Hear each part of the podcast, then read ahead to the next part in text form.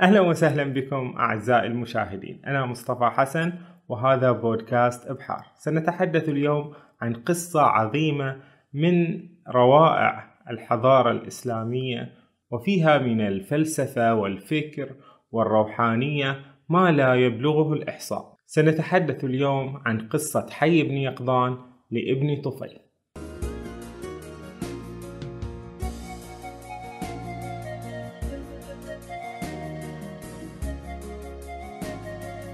يعد ابن طفيل أحد الفلاسفة المسلمين الذين عاشوا في الأندلس وقد توفي قبل أكثر من 800 سنة. تتلمذ ابن طفيل في الأندلس على فيلسوف آخر هو ابن باجة وكان لابن طفيل تلميذ هو ابن رشد. وهؤلاء الثلاثة يعدون أهم الفلاسفة في الأندلس. أما عن قصة حي بن يقظان فهي قصة تداولها أربعة من العلماء والفلاسفة المسلمين. أولهم كان ابن سينا حيث قدم من وقت مبكر في التاريخ الإسلامي هذه القصة. بعده جاء السهروردي وجاء ابن طفيل وجاء ابن النفيس فبدأ ابن طفيل رسالته بسم الله الرحمن الرحيم الحمد لله العظيم الأعظم القديم الأقدم العليم الأعلم الحكيم الأحكم الرحيم الأرحم الكريم الأكرم الحليم الأحلم الذي علم بالقلم علم الإنسان ما لم يعلم وكان فضل الله عليك عظيما. أحمده على فواضل النعماء وأشكره على تتابع الآلاء وأشهد أن لا إله إلا الله وحده لا شريك له وأن محمدا عبده ورسوله. صاحب الخلق الطاهر والمعجز الباهر والبرهان القاهر والسيف الشاهر صلوات الله عليه وسلامه وعلى آله وأصحابه. ذكر سلفنا الصالح رضي الله عنهم أن جزيرة من جزائر الهند التي تحت خط الاستواء وهي الجزيرة التي يتولد بها الإنسان من غير أم ولا أب وبها شجر يثمر نساء وهي التي ذكرها المسعودي أنها جزيرة الواقواق. لأن تلك الجزيرة أعدل بقاع الأرض هواء وأتمها لشروق النور الأعلى عليها استعدادا. ابتدأ ابن طفيل قصته بأن في جزائر الواقواق وهي جزر ذكرها علماء المسلمون فقال عنها المسعودي أنها جزيرة بعيدة جدا وفيها من غرائب الأمور وفيها أسطورة أن هناك شجرة تلد نساء. فيقول ابن طفيل أنه في تلك الجزيرة حدث شيء غامض. ماذا حدث؟ تولد بها إنسان من غير أب ولا أم. ولكن كثير من العلماء قالوا لا يمكن أن يتولد إنسان بلا أب ولا أم. فهناك قولين يقول ابن طفيل. قول يقول أن هناك امرأة تزوجت رجلا بالسر لأنها كانت تحبه وأهلها لا يريدونه ثم أنها بعد أن تزوجته أنجبت منه ولدا فخافت عليه فوضعته في تابوت وألقته في البحر فذهب ذلك التابوت وانقذف آه، قرب شاطئ تلك الجزيرة فرسخ على الشاطئ وابتعد عنه الماء فجاءت له ظبية كانت قد فقدت ابنها وظنت أن ذلك الصوت الذي يصيح هو صوت ابنها فذهبت إليه فلما رأت حنت عليه وأرضعته وربت. هذه وجهة نظر من قالوا بأن حي بن يقظان قد جاء من أب وأم. وآخرون قالوا أن حي بن يقظان قد آه، تولد يعني طبيعيا في تلك الجزيرة. فكان فيها يعني طينة مخمرة أو شيء فنشأت منها النسيج ونشأ منها كل شيء حتى ظهر إنسان هكذا يعني. هذه طبعا اللي هو الفكرة الثانية لأصل حي بن يقظان. عموما نطوف هذا الموضوع الحين. على أي حال فإن الظبية ربت ذلك الطفل. عاش في كنف تلك الظبية التي كانت تدافع عنه آه، تغذيه تعلمه حتى أنه أصبح يتفوه بأصواتها وصار حاله حال هذه الظبية. ولكن حي بن يقظان أهم ميزة فيه أنه إنسان لديه عقل مفكر ويتساءل حول ما يوجد في هذا الكون. فلما وصل حي بن يقظان إلى عمر السابعة تقريبا رأى الحيوانات وتساءل كيف أن هذه الحيوانات أقوى منه بكثير وهو يشكو ما يشكو من الضعف. ورأى كيف أن هذه الحيوانات تستر نفسها لديها ما يسترها من شعر ووبر وغيره بينما هو عار. فأخذ من أوراق الأشجار ما يستر به نفسه ثم أنه أخذ بالتجربة شيئا فشيئا. فلما كانت هذه الأوراق لا تفلح أخذ شيئا أفضل منها. وبعد ذلك أخذ جلد نسر فوضعه عليه فكان ذلك أفضل. وكانت الظبية دائما تلازمه وهو يلازمها حتى أخذ بها الكبر وصارت كبيرة في السن ورأى فيها الضعف والوهن وفي يوم من الأيام لم يجدها سوى أنها ماتت. فارقت الحياة. بقيت هكذا ساكنة دون حراك. فبكى حي بن يقظان عليها بكاء شديدا. ماذا حل بهذه الظبية؟ ما هو الأمر الذي اعتراها؟ ففتش هنا وفتش هناك. فرأى أن ليس بها جرحا وليس بها آه، مشكلة خارجية. فأخذ يفكر ويقول أنه عندما يغمض عينيه لا يرى وعندما يضع يديه على أذنه لا يسمع.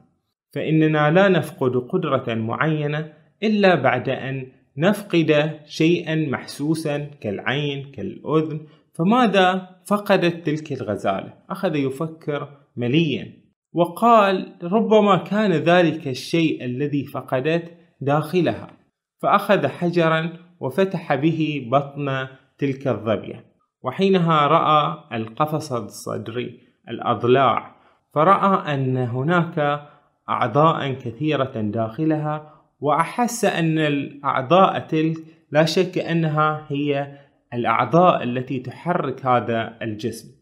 فلما أخذ يشرح ذلك الجسم وقد كان له سبق معرفة بالتشريح فقد كان يرى أجسام الحيوانات الأخرى وما في داخل أحشائها فرأى أن القلب إليه تنتهي كل الأعضاء ورأى أن هذا القلب له شأن عظيم. ولكن ما بال القلب سليم معافى وما بال سائر الأعضاء بهذه السلامة والمعافاة. ما الذي خسرته تلك الغزالة؟ من هنا جاءته هواية التشريح وأصبح مهتما بأن ينظر في أجسام الحيوانات على اختلافها لكي يجد السر وراء هذه الحياة ومن جهة معيشته فقد طور أسلوبه في الحياة. فها هو لبسه قد أصبح من جلود الحيوانات. وها هو قد اتخذ له مسكنا بنى من الأحجار ما يشبه البيت فجعله صالحا لسكناه وحاميا له من سائر الحيوانات. كما أنه استأنس الصقور وجعلها خادمة له في الصيد. وأيضا دجن الحيوانات. فجعل بعض الحيوانات مستأنسة لديه يربيها ولما وجد أنه أبطأ من سائر الحيوانات وأن تلك الحيوانات سريعة جدا وأنه لا يلحق بالحيوانات لكي يصطادها فإنه وجد في تلك الجزيرة بعض الحمر الوحشية وبعض الأحصنة الوحشية فنجح بأن يستأنس من تلك الحمير ومن تلك الخيول. وهنا تطورت معيشة حي بن يقظان أخذ يتأمل في الحيوانات ويتأمل في النبات ويصنف يرى كيف أن النباتات هي تختلف في أشكالها كل له شكل معين ولكنها كلها تندرج في قسم النباتات. ثم أنه رأى الحيوانات ورأى كيف أنها تختلف أنواعها غير أنها كلها تتشابه في أمر ما وتأمل في الجمادات ورأى أن تلك الجمادات مهما اختلفت مهما تغير لونها أو قساوتها أو شكلها أو غير ذلك فإنها تبقى صخورا أو جمادات لها نفس التقسيم فأخذ يصنف الأشياء حوله ورأى كيف أن في الجزيرة الماء والنار والهواء والتراب بمناسبة النار في يوم ما استيقظ فشبت نار في آه، شجرة فأخذ منها قبسا واستعان بالنار في حوائجه فصار يستعين بها في حرب الحيوانات وفي إخافتها وفي تسخين الطعام وفي غيرها من الأشياء. طبعا كل هذا اللي صار لحي بن يقظان يوحي لنا آه، بالتاريخ الطبيعي الذي يتحدثون فيه عن العصور السحيقة للإنسان حيث أن الإنسان كما يقولون كان يعيش في البرية وكان يلبس من أوراق الأشجار وأنه شيئا فشيئا صنع أسلحته وصنع أدواته وسكن الكهوف ثم من بعد ذلك بنى البيوت واستأنس النار وطبخ الطعام وبعد ذلك زرع ودجن الحيوانات حتى أنه وصل إلى ما وصلنا له من الحضارة. فكأن ابن طفيل لا يحكي قصة شخص واحد هو حي بن يقظان بل يحكي قصة مسيرة مجتمعات بشرية وفكر آه، مضى عبر قرون وآلاف من السنين لكي يصلوا إلى إدراك أعظم لهذا الكون. طبعا هنا نظرية التطور تطل علينا برأسها وتقول أنا الصح أنا, أنا اللي عندي كل الأجوبة على تاريخكم الطبيعي. ولكننا نضع انتقاداتنا إلى هذه النظرية ولكن ليس الوقت الآن الحديث في تلك النظرية لأن ابن طفيل لم يكن يعتقد بهذا الأمر ولكنه قاعد يشرح أمر محسوس لديهم.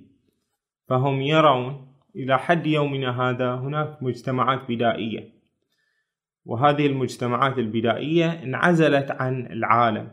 ولما انعزلت عن العالم كان ليس لها دين ولا آه، ملة. وكانوا يعيشون في حالة بدائية كثيرة. فلا شك أنه في الزمن السحيق جدا كانت هذه البدائية منتشرة أكثر. وكان الناس يرونها عيانا بيانا. ويرون كيف أن بعض المجتمعات لا تلبس الثياب أصلا. وأنها إذا تطورت شيئا ما تلبس شيئا من الثياب لتستر به نفسها.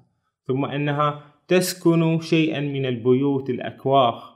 ثم أنها تطور من معيشتها باستخدام الطابخ وغيرها من الوسائل. فهذا الأمر لا ينكر بأن الإنسان يحسن من معيشته شيئا فشيئا. فبينما كان حي بن يقظان مستغرقا في تأملاته من تأملاته في الحيوان في النبات في الجماد حتى في الفلك. فكان ينظر في السماء ويرى النجوم والكواكب والقمر ويرصد حركاتها فيراها كيف تتحرك ومع الوقت وجدها تتحرك بطريقة دائرية أخذ يراقبها. فيقول ابن الطفيل وما زال يتصفح حركة القمر فيراها آخذة من المغرب إلى المشرق وحركات الكواكب السيارة كذلك حتى تبين له قدر كبير من علم الهيئة الفلك. وظهر له أن حركاتها لا تكون إلا بأفلاك كثيرة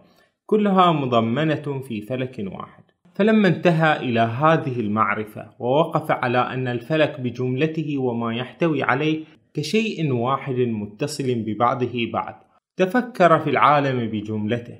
هل هو شيء حدث بعد أن لم يكن وخرج إلى الوجود بعد العدم أو هو أمر كان موجودا فيما سلف ولم يسبقه العدم بوجه من الوجوه؟ أخذ يفكر في هذا الكون. ثم إنه فكر سنينا في هذه القضايا العقلية. فانتهى بالقول لا بد للعالم من فاعل ليس بجسم وإذ لم يكن جسما فليس إلى إدراكه بشيء من الحواس سبيل لأن الحواس الخمس لا تدرك إلا الأجسام وإذا لم يكن جسما فصفات الأجسام كلها تستحيل عليه وأول صفات الأجسام هو الامتداد في الطول والعرض والعمق وهو منزه عن ذلك الله عز وجل وعن جميع ما يتبع هذا الوصف وإذا كان فاعلا فهو لا محالة قادر عليه وعالم به. بسم الله الرحمن الرحيم. ألا يعلم من خلق؟ وهو اللطيف الخبير. فهنا بعد أن تأمل في هذا الكون وجده محتاجا إلى خالق. لا شك أن هناك خالق أوجد كل هذا الكون الذي يراه حوله. وحينها جاءه الإيمان بهذا الخالق. فلما رأى جميع الموجودات فعلة تصفحها من بعد ذا تصفحا على طريق الاعتبار في قدرة فاعلها. والتعجب من غريب صنعته ولطيف حكمته ودقيق علمه فتبين له في أقل الأشياء الموجودة فضلا عن أكثرها من آثار الحكمة وبدائع الصنعة ما قضى منه كل العجب وتحقق عنده أن ذلك لا يصدر إلا عن فاعل مختار في غاية الكمال وفوق الكمال. بسم الله الرحمن الرحيم. لا يعزب عنه مثقال ذرة في السماوات ولا في الأرض ولا أصغر من ذلك ولا أكبر. ثم تأمل في جميع أصناف الحيوان. كيف أعطى كل شيء خلقه ثم هدى؟ فلولا أنه هداه لاستعمال تلك الأعضاء التي خلقت له في وجوه المنافع المقصود بها لما انتفع بها الحيوان وكانت كلا عليه فعلم بذلك أنه أكرم الكرماء وأرحم الرحماء. ثم إنه مهما نظر في شيء من الموجودات له حسن أو بهاء أو كمال أو قوة أو فضيلة من الفضائل تفكر وعلم أنها من فيض ذلك الفاعل المختار جل جلاله ومن جوده ومن فعله. فعلم أن الذي هو في ذاته أعظم منها وأكمل وأتم وأحسن وأبهى وأجمل وأدوم وأنه لا نسبة لهذه إلى ذلك فما زال يتتبع صفات الكمال كلها فيراها له وصادرة عنه ويرى أنه أحق بها من كل ما يوصف بها دونه. فلما حصل له بهذا الموجود الرفيع الثابت الوجود الذي لا سبب لوجوده وهو سبب لوجود جميع الأشياء أراد أن يعلم بأي شيء حصل له هذا العلم وبأي قوة أدرك هذا الموجود فتصفح حواسه كلها وهي السمع والبصر والشم والذوق واللمس. فرأى أنها كلها لا تدرك شيئا فإنه تساءل ماذا يوجد لديه؟ فوجد أن لديه خمس حواس ورأى أن هذه الخمس حواس لا تستطيع أن تريه أو أن تخبر بالله عز وجل. فلا شك أن لديه شيئا آخرا ورأى كيف أن الأجسام بطبيعتها الفساد وبطبيعتها أنها لا تشعر إلا بالأمور الجسمية فكيف بها تشعر بأمور عقلية؟ فانتهى إلى القول بأن ذاته الحقيقية ليست جسمه ذلك الفاني بل إن فيه روحا ولم يكن لديه تصور لتلك الروح ولكنه دائما كان يشعر بأن هناك شيء مفارق لهذا الجسم. وبعد أن حصل له الإيمان بالله عز وجل ترقى إلى مرتبة أخرى. قال أن لابد لي أن أتوجه إلى ذلك الخالق. ليس فقط أن أعرف أنه موجود وانتهينا. لا لازم أقدم أثبت أن أنا عبد مخلص. يعني كانت هذه أول الأفكار التي ستقوده إلى مفهوم العبادة. فيقول ابن طفيل فإن كان في الأشياء شيء لا نهاية لكماله ولا غاية لحسنه وجماله وبهائه وهو فوق الكمال والبهاء والحسن وليس في الوجود كمال ولا حسن ولا بهاء ولا جمال إلا صادر من جهته وفائض من قبله. فمن فقد إدراك ذلك الشيء بعد أن تعرف به فلا محالة أنه ما دام فاقدا له يكون في آلام لا نهاية لها. كما أن من كان مدركا له على الدوام فإنه يكون في لذة لا انفصام لها وغبطة لا غاية وراءها وبهجة وسرور لا نهاية لهما. فيقول أن من توجه إليه سيسعد سعادة عظيمة. وكذلك العكس فإن من يعرض عنه فإن له معيشة ضنكا. انظروا ماذا يقول ابن طفيل. وإما أن يكون قبل ذلك قد تعرف بهذا الموجود وعلم ما هو عليه من الكمال والعظمة والسلطان والقدرة والحسن إلا أنه أعرض عنه واتبع هواه حتى وافته منيته وهو على تلك الحال. فيحرم المشاهدة وعنده الشوق إليها فيبقى في عذاب طويل وآلام لا نهاية لها. فإما أن يتخلص من تلك الآلام بعد جهد طويل ويشاهد ما تشوق إليه قبل ذلك وإما أن يبقى في آلامه بقاء سرمديا. فهنا تيقن أنه يجب أن يفعل شيئا في هذه الدنيا شيئا طيبا يرضى عنه خالقه فيه. يريد آه، نوعا من العبادة ولكنه لا يعرف ماذا يفعل. فقال خلني أسترشد بالحيوانات. ممكن أنها تسبح الله بطريقة معينة. خلني أشوف. ممكن أتعلم منها شيء. فذهب إلى الحيوانات ورآها. ورأى يعني لم يجد شيئا كما في القرآن الكريم وإن من شيء إلا يسبح بحمده ولكن لا تفقهون تسبيحه. فهذه الحيوانات تسبح ولكن الإنسان لا يستطيع أن يعرف كيف تلك الحيوانات تسبح الله عز وجل. وكذلك النباتات وجدها آه، صماء ووجد الجمادات كذلك. ورأى في السماء ورأى كيف أن هذه الأجرام السماوية لها وحدة واحدة ولها حركة واحدة. فهناك شيء تعلق بقلبه في السماء حيث وجد العالم متناسقا.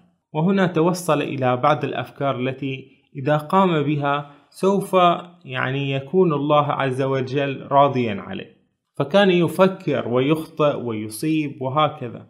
فكان يقول سوف أمتنع عن الغذاء لن آكل. فأخذ يصوم عن الأكل. ثم إنه شعر بأن صلاحه بأن يأكل ولو القليل لأن جسمه يتهدم إذا لا يأكل شيئا. فظن أنه إذا أهمل الأكل ولم يأكل ابدا كان الله عز وجل ساخطا عليه. فقال أنني سوف آكل ولكن القليل جدا. ونظر إلى أنه يجب أن يكون آه، طيبا اخلاقيا مع الموجودات حوله. فكان إذا رأى غزالا محتاجا إلى آه، أمر يروح ويساعده. شاف مثلا شجرة آه، تعاني من شيء معين يزيلها عنه. رأى بفطرته السليمة بأن فعل الأمور الخيرة ولو بالحيوانات ولو بالنباتات سيكون عملا صالحا. ورأى أنه يجب أن يكون طاهر البدن ويجب أن يتعلق بالله عز وجل ولا يتعلق بما سواه يفكر في الله فبقى دائما في تلك الحالة. وكانت تحصل له شيء من المكاشفات التي تجعله يتوصل إلى آه، أمور أكثر يعني تقربه من الله عز وجل. فكان كما يقول ابن طفيل يروم بمبلغ طاقته أن لا يفكر في شيء سواه عز وجل ولا يشرك به أحدا. ويقول أيضا وما زال يطلب الفناء عن نفسه والإخلاص في مشاهدة الحق حتى تأتى له ذلك وغابت عن ذكره وفكره السماوات والأرض وما بينهما وجميع الصور الروحانية والقوى الجسمانية ولكن كان هناك قدر ينتظر حي بن يقظان كان هو يعيش في تلك الجزيرة وقريبا منهم كان هناك جزيرة أخرى يعيش فيها قوم مسلمون يعرفون الشريعة الإسلامية ويؤمنون بما جاء في القرآن الكريم. ففي تلك الجزيرة كان هناك عالمان. عالم اسمه سلمان والآخر اسمه أبسال.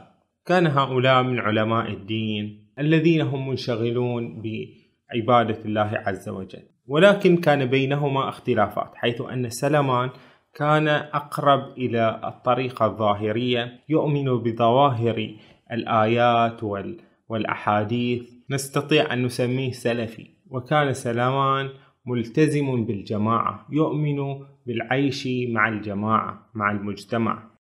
بينما أبسال فإنه أراد أن يعتزل. أحس بأن وجوده في المجتمع لا يريحه لا يقربه إلى الله. فأراد أن يذهب ويفر إلى جزيرة من الجزائر ليعبد الله وحيدا. وكان سلمان يعترض عليه بهذا القول ويحرم هذا الاعتزال قرر أبسال أن يرتحل عن هذه الجزيرة المأهولة بالسكان إلى جزيرة بعيدة. فركب القارب وأخذت بهم القارب إلى جزيرة من الجزائر كانت هي التي فيها حي بن يقظة. فرمته عندها وذهبوا. فظل أبسال في تلك الجزيرة يعبد الله عز وجل ويعيش في ذلك الحال. وفي يوم من الأيام التقى هذان الرجلان. فأبسال بينما كان هكذا يصلي ويجلس وحيدا رأى إنسانا آه، قادما إليه ويراه. فلما رآه رآه في هيئة غريبة وأراد أن يبتعد عنه. أما حي بن يقظان فإنه لما رأى أبسال كان لأول مرة يرى فيها إنسانا. استغرب من ذلك المنظر ولأنه يحب أن يتعلم لحقه لكي يعرف ما, ما هو هذا الشيء. فأخذ أبسال يركض عنه يبتعد عنه وابتعد عنه وذهب في مرة من المرات وكان يتعبد ويصلي ويتلو الأذكار وكان حي بن يقظان قد جاء واقترب منه في سكون. وجلس قربه يستمع إلى آه، هذه الأدعية والصلاة التي يتلوها هذا الرجل. فلما فرغ أبسال من صلاته انتبه فرأى من؟ حي بن يقظان. فخاف منه ولكنه شيئا فشيئا أحس بأنه لا يريد منه ضرا. وعرف كيف أن هذا الإنسان هو إنسان آه، لم يرى أي بشر من قبل ولم يعرف لغة البشر. فعندما تكلم معه لم يعرف الكلام بالطبع لأنه لم يرى إنسانا من قبل. ولكنه تواصل معه وتعلم منه شيئا فشيئا ماذا آه، يوجد في هذا العالم. فأخبره كيف أن تلك الجزيرة وأن هناك عالم آخر هذا العالم يؤمن بالله عز وجل وملائكته وكتبه ورسله وجاء له ب يعني ما جاءت به الشريعة الإسلامية. فلما استمع حي بن يقظان إلى ما يقوله أبسال عن الموجود في الشريعة الإسلامية وكيف جاءت رسالة الحق عز وجل عبر أنبيائه فإنه اقتنع تماما ودخل في دين أبسال. وجد أنه ما جاء به الأنبياء هو نفسه ما أدت به إليه فطرته وما شعره بمجاهداته وأفكاره العقلية وكل هذه السنين الطويلة وهو يحاول الوصول إلى الله عز وجل. ولكن حي بن يقظان كان له بعض التساؤلات التي وضعها أمام أبسال فكان يقول لماذا الدين الإسلامي أباح اقتناء الأموال والتوسع في المآكل حتى يفرغ الناس للاشتغال بالباطل والإعراض عن الحق؟ وكان يستغرب من ذلك. يقول إن الناس لو فهموا الأمر على حقيقته لأعرضوا عن هذه البواطن عن المال عن هذه الدنيا وأقبلوا على الحق واستغنوا عن هذا كله. ولم يكن لأحد اختصاص بمال يسأل عنه زكاته أو تقطع الأيدي على سرقته أو تذهب النفوس على أخذه مجاهرة. وكان الذي أوقعه في ذلك ظنه أن الناس كلهم ذو فطر فائقة وأذهان ثاقبة ونفوس حازمة ولم يكن يدري ما هم عليه من البلادة والنقص وسوء الرأي وضعف العزم وأنهم كالأنعام بل هم أضل سبيلا. فابن طفيل يقول أن حي بن يقظان كان يقول ليش ما نقبل على الله عز وجل وخلاص نترك الأموال ونترك الأشياء خلاص بس نعبد الله عز وجل. لم يكن يعرف حي بن يقظان أن الناس تشغلهم الدنيا ويهتمون بالدنيا ولا يهتمون بهالأمور يعني بتلك الدرجة. وهنا قرر أبسال أن يصطحب حي بن يقظان إلى أين؟ إلى الجزيرة التي كان فيها. فذهب إلى تلك الجزيرة واستقبلها أهله استقبال الأبطال واستغربوا من ذلك الرجل حي بن يقظان. في البداية رحبوا به وأهلوا به وفعلا وجدوه وليا من أولياء الله الصالحين الذين كانوا يبحثون عن الله عز وجل ويبحثون إلى السبيل إلى عبادته وأخذوا بالكلام معه شطرا من الزمن غير أنهم شيئا فشيئا نبذوه وابتعدوا عنه ولكن حي بن يقظان لم يرتاح في تلك الجزيرة ووسط أولئك الناس لماذا؟ لأنه رآهم صحيح أنهم يؤمنون بالشريعة الإسلامية ويأخذون بظواهرها ويقيمون بعض الأمور فيها ولكنهم ليسوا مخلصين في ذلك الأمر تمام الإخلاص. وابن طفيل يعبر بتعبيرات سلبية كبيرة على العامة. وذهب حي بن يقظان وسلم على سلمان وأكد له كيف أن الشريعة الإسلامية لا شك أنها صحيحة وأن الالتزام بالجماعة أيضا هو شيء واجب وأمر صحيح ولكنهم لم يستحملوا أن يبقوا في هذه الجزيرة أكثر. فيقول ابن الطفيل فودعاهم وانفصل عنهم وتلطفا في العود إلى جزيرتهم حتى يسر الله عز وجل عليهما العبور إليها. وطلب حي بن يقظان مقامه الكريم بالنحو الذي طلبه أولا حتى عاد إليه واقتدى به أبسال حتى قرب منه أوكاد وعبدا الله بتلك الجزيرة حتى أتاهما اليقين. هذا أيدنا الله وإياك بروح منه ما كان من نبأ حي بن يقظان وأبسال وسلمان وقد اشتمل على حظ من الكلام لا يوجد في كتاب ولا يسمع في معتد خطاب. وقد خالفنا فيه طريق السلف الصالح في الضنانة به والشح عليه إلا أن الذي سهل علينا إفشاء السر وهتك الحجاب ما ظهر في زماننا من آراء مفسدة نبعت بها متفلسفة العصر وصرحت بها حتى انتشرت في البلدان وعم ضررها. وخشينا على الضعفاء الذين أطرحوا تقليد الأنبياء صلوات الله عليهم هؤلاء الضعفاء الذين أخذت بهم الأفكار لأن يلحدوا وأرادوا تقليد السفهاء والأغبياء أن يظنوا أن تلك الآراء هي المظنون بها على غير أهلها فيزيد بذلك حبهم فيها وولوعهم بها. فرأينا أن نلمع إليهم بطرف من سر الأسرار لنجتذبهم إلى جانب التحقيق ثم نصدهم عن ذلك الطريق. وأردت تقريب الكلام فيها على وجه الترغيب والتشويق في دخول الطريق وأسأل الله التجاوز والعفو وأن يوردنا من المعرفة به الصفو إنه منعم كريم. والسلام عليك أيها الأخ المفترض إسعافه ورحمة الله وبركاته. كانت هذه قصة حي بن يقظان القصة العظيمة والرائعة. لا شك أنها قصة آه، فيها معنى ديني عميق. وإن كان لدي تعليق على هذا الموضوع برمته. حيث أن الإنسان لا يكون له عقل إلا بتربية. ليس فقط يولد إنسانا بل إنه يصير إنسانا بعد تربية طويلة. فهناك في العالم أناس عاشوا في الغابة منذ طفولتهم. فلنفترض أنهم ألقوا في الغابة وعاشوا هكذا. هناك حالات موجودة في العالم صار لها هالشي. لا يستطيعون أن يفهموا أبدا. فقط تجدهم يصدرون أصوات كما تصدرها الحيوانات فالإنسان إذا لم يعش وسط مجموعة من الناس وسط مجتمع لم يكن إنسانا. فمثلا طفل يرمى به إلى الغابة ويعيش. هذا الطفل عندما يرجع إلى أهله فلنفترض وهو في عمر الثلاث سنين أو الخمس سنين تكون قدراته العقلية مثل البهائم تماما ولا يستطيع أن ينميها إلا قليلا.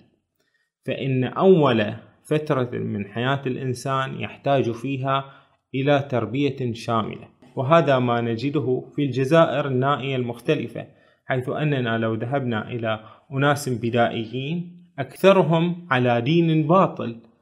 هناك من يؤمن بهذا الصنم هناك من يؤمن بهذه العظمة هناك من صحيح أن الدين هو مفهوم آه، آه، مهم بالنسبة لهم ولكن ليس على نحو التأكيد فإن العقل صحيح أنه يؤدي إلى البحث عن خالق ولكنه لا يؤدي تماما إلى الوصول إلى الحقيقة الصحيحة.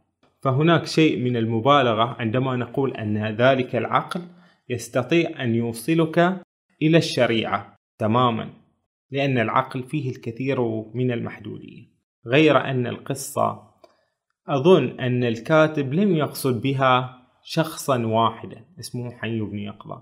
بل وضع حي بن يقظان كأنه المعادل الموضوعي لكل مفكري الإنسان. كل من اكتشف شيئا كل من اخترع شيئا كل من بنى شيئا كل من آه، أسهم شيئا في آه، تقدم الإنسانية الحضاري. وأبسال هو المعادل الموضوعي لمن تلقى رسالة السماء وآمن بها. الإيمان بالله عبر الإيمان برسالات السماء بالقرآن الكريم بالإنجيل بالتوراة. وأما الناس العوام فيذمهم ابن طفيل ذما شديدا بأن يقول أنهم منصرفون عن مثل هذه الأمور الفلسفية الحكيمة بهذه الطريقة. وفي نظري يمكن أن نضع شيئا من النقد. فالناس ليسوا على طبيعة واحدة وكل إنسان ميسر لما خلق له. إذا كان ابن طفيل وغيره من الفلاسفة الأذكياء الذين يصلون إلى الله عز وجل عن طريق العلم والتحليل والطب والتشريح وهذه الأمور فإن أناسا آخرين لهم طريق مختلف. كل إنسان له قدراته وميوله وعن طريق ميوله وقدراته التي وهبها الله فيه يستطيع أن يؤمن بالله عز وجل. ومن هنا يتضح عظمة الرسالات السماوية وأعظمها قاطبة الدين الإسلامي حيث أن الدين لا يحتاج منك أن تكون سقراطا لكي تفهمه. يحتاج أن تكون عبقريا لكي تفهمه. كل شخص يفهم الدين بقدر ما لديه من استعداد عقلي. والدين أيضا هو أمر عملي يناسب احتياجات الناس وميولهم. فليس كل الناس يستطيعون أن يعرضون عن الدنيا كل هذا الإعراض. فهناك الرغبة في الأموال هناك الرغبة في الأكل في غيرها من الشهوات التي لم يحرمها الدين ووضع لها أطرا وضوابط. فأولئك المتصوفة الذين يقولون فقط سنريد أن ننعزل ونعبد الله و ونترك كل الأموال ونترك كل شيء ونأكل الفتات. لكي يرضى الله عنا عز وجل. فإن الدين قد قدم شيئا أكثر رحابة من ذلك. والنبي صلى الله عليه وآله وسلم كان أعظم مثال في ذلك. فلم يكن راهبا مبتعدا عن الجماعة كان مع المجموع يأخذ بهم. صحيح أن أيضا العزلة لها أهمية فالنبي آه، صلى الله عليه وآله وسلم قد اعتزل فترة في غار حراء واعتزل في آه، يعني فترة من حياته. ولكن تبقى العزلة طوال الحياة ليست أمرا محمودا فقيمة الإنسان أن يضع أثرا في هذه الحياة أثرا طيبا. وإذا كان قد وصل إلى مراتب جيدة في العبادة وفي القرب إلى الله فيجب أن يدل الناس أيضا على ذلك السبيل. لا أن يذهب له وحده. إلى هنا ينتهي حديثنا عن قصة حي بن يقظان لابن طفيل. ما رأيكم في هذه القصة؟ وما هي ملاحظاتكم عليها؟ شاركوني آراءكم واكتبوا ملاحظاتكم وخبروني عن كل شيء في بالكم. وأشوفكم بألف خير وصحة وعافية.